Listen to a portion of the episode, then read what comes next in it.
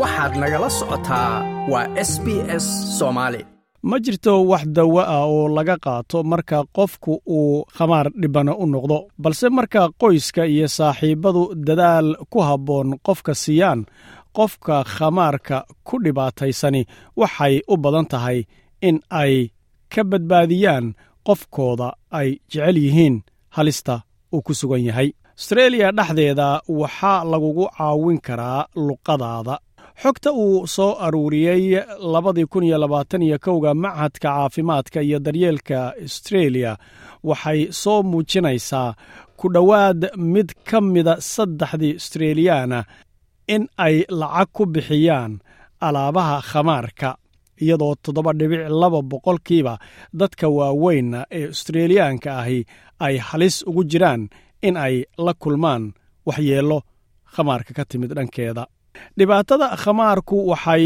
ku timaadaa wejiyo badan waxaase ka mid a dhibaatada dhaqaale mid sharci iyo mid dhaawaca dhanka dareenka ah.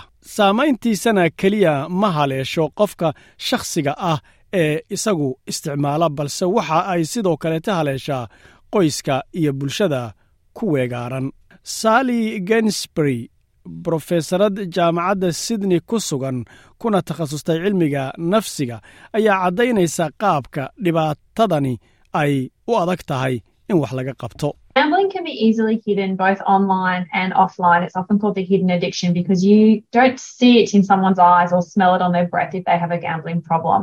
Online gambling brings that to the next level by obviously being able to waxay home khamaarka si fudud ayaa loo qarin karaa online iyo offline labadaba inta badan waxaa loogu yeedhaa qabatinka qarsoon sababtoo ah taas kuma aad arkaysid qof indhihiisa ama kama urinaysid dadka neeftooda haddii ay qabaan dhibaato khamaar. Khamaarka internetka wuxuu kor u sii qaadayaa heerka xiga halkaas oo ay caddahay in aad awood u leedahay in aad jir ahaan gurigaaga ku jirto marka aad khamaarayso ama aad ku samaynayso aaladda mobilka marka waxay soo jiidataa dad kala duwan gaar ahaan haddii ay tahay onlineka waxayna haysataa xoogaa macaamiil ka duwan mashiinta khamaarka kuwa isticmaala.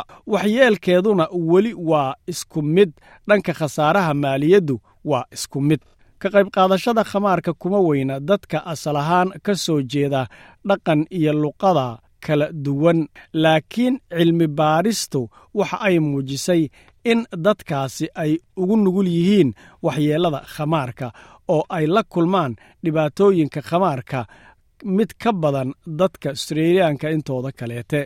Natali rait waxay sharaxaysaa sida dhaqanka qofku uu u saamayn karo dabeecadaha ku wajahan khamaarka Quite often, shame and stigma are really big barriers uh, help seeking in people from culturally and linguistically diverse communities. And often, in badan ceebta iyo ceebinta ayaa runtii caqabad weyn ku ah raadinta caawinta dadka ka soo jeeda bulshooyinka dhaqan iyo luqad ahaanba kala duwan badanaa isku xidhitaanka dhaqanku waxa ay ka dhigan tahay in dhibaatada ay kala kulmayaan khamaarka in aysan ahayn mid shakhsi ah.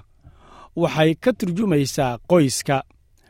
Arrinta kale waxay ku saabsan tahay la talinta bulshooyin badani waxay u arkaan in ay tahay la talintu fikrad shisheeye oo reer galbeed ah. Marka inta badan waxaa jirta fikrad ah in dadku rabaan inay wax ku qarsadaan qoyskooda dhexdiisa aadan waxa uu deggan yahay galbeedka magaalada sydney carab ayuuna ka soo jeedaa asal ahaan. Waxa uu ka soo kabanayaa dhibaatada khamaarka tan iyo labadii kun iyo afar iyo tobankii. Magaciisa iyo codkiisa waa la beddelay si loo ilaaliyo shakhsiyaddiisa wuxuuna yidhi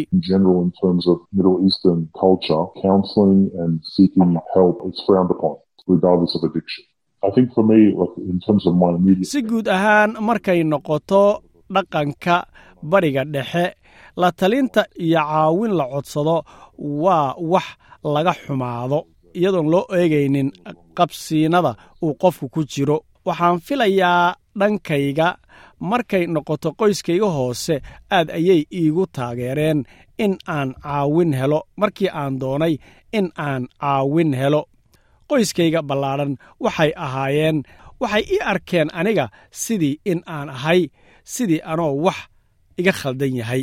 Muhiimba ma aha in qofku uu caawin helo sida ay aaminsan yihiin. Sidaa darteed maadaama dhaqanka qaar ay gudubsan tahay saamaynta khamaarku dhibanaha khamaarka khubarada la tacaala saamaynta khamaarka ee ay ka mid tahay brofesor genisbury maamulaha xarunta cilmi baadhista iyo daweynta dhibanayaasha khamaarka. Waxa ay ku naseexaynaysaa in inta la daweynayo dhibanaha in la mid ah in wacyigelin la siiyo bulshada ku weegaaran dhibanaha. Si qofka dhibanaha ahi uu u helo deegaan ku habboon in ay caawiyaan oo ka agdhow si uu u helo dhibanuhu cid uu dhibkiisa u sheegan karo isaga oo huba in la soo dhowaynayo si ku habboonna loo garab istaagayo. Sida ay mar kaleete brofesorad genisbury leedahay dad badan ma doortaan caawin rasmi ah. Taa beddelkeedana waxa ay doortaan in ay caawin ka helaan dhinacyada aan rasmiga ahayn waxayna tiri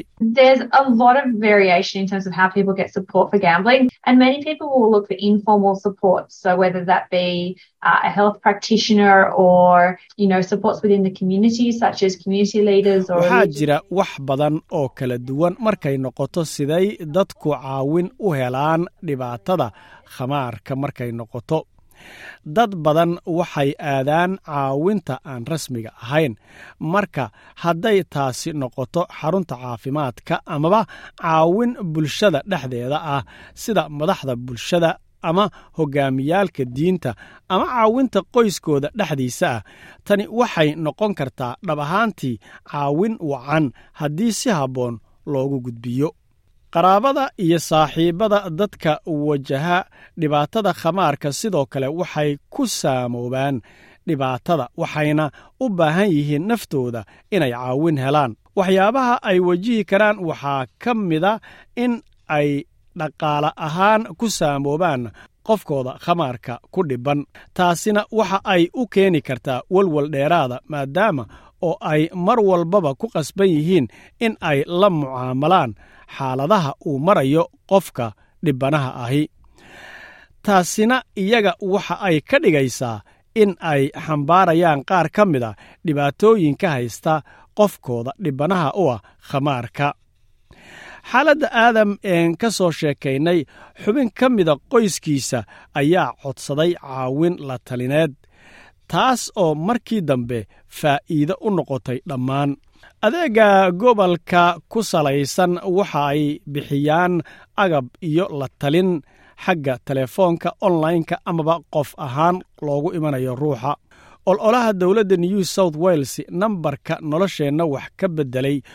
Waxaa looga gol leeyahay in lagu caawiyo dadka ka soo jeeda bulshada kala duwan dhaqan iyo luqaba tallaabada ugu horraysa ee wicitaanka qof kasta oo isagu u baahan gargaarka new south wales waa gambal awer hay'adda la yidhaahdo.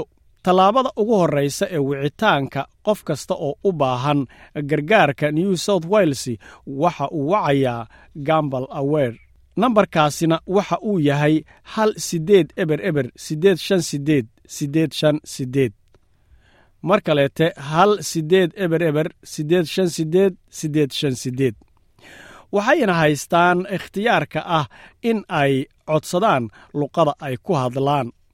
La talintu waxa ay wax ka qaban kartaa dhibaatooyinka maskaxeed iyo kuwa maaliyadeed labadaba ee saameeya dhibbanaha iyo dadka agagaarkiisa ku nool ugu dambayntii sida ay qabto brofesorad genisbury tallaabada ugu horraysa ee dadka kuwa ay jecel yihiin khamaarka u dhibaataysan waa in ay ogaadaan in aanay keligood ahayn iyo in helitaanka taageerada naftooda ay muhiim tahay like aas la wadaag wax ka dheh lana soco barta facebooka ee sb s soomaali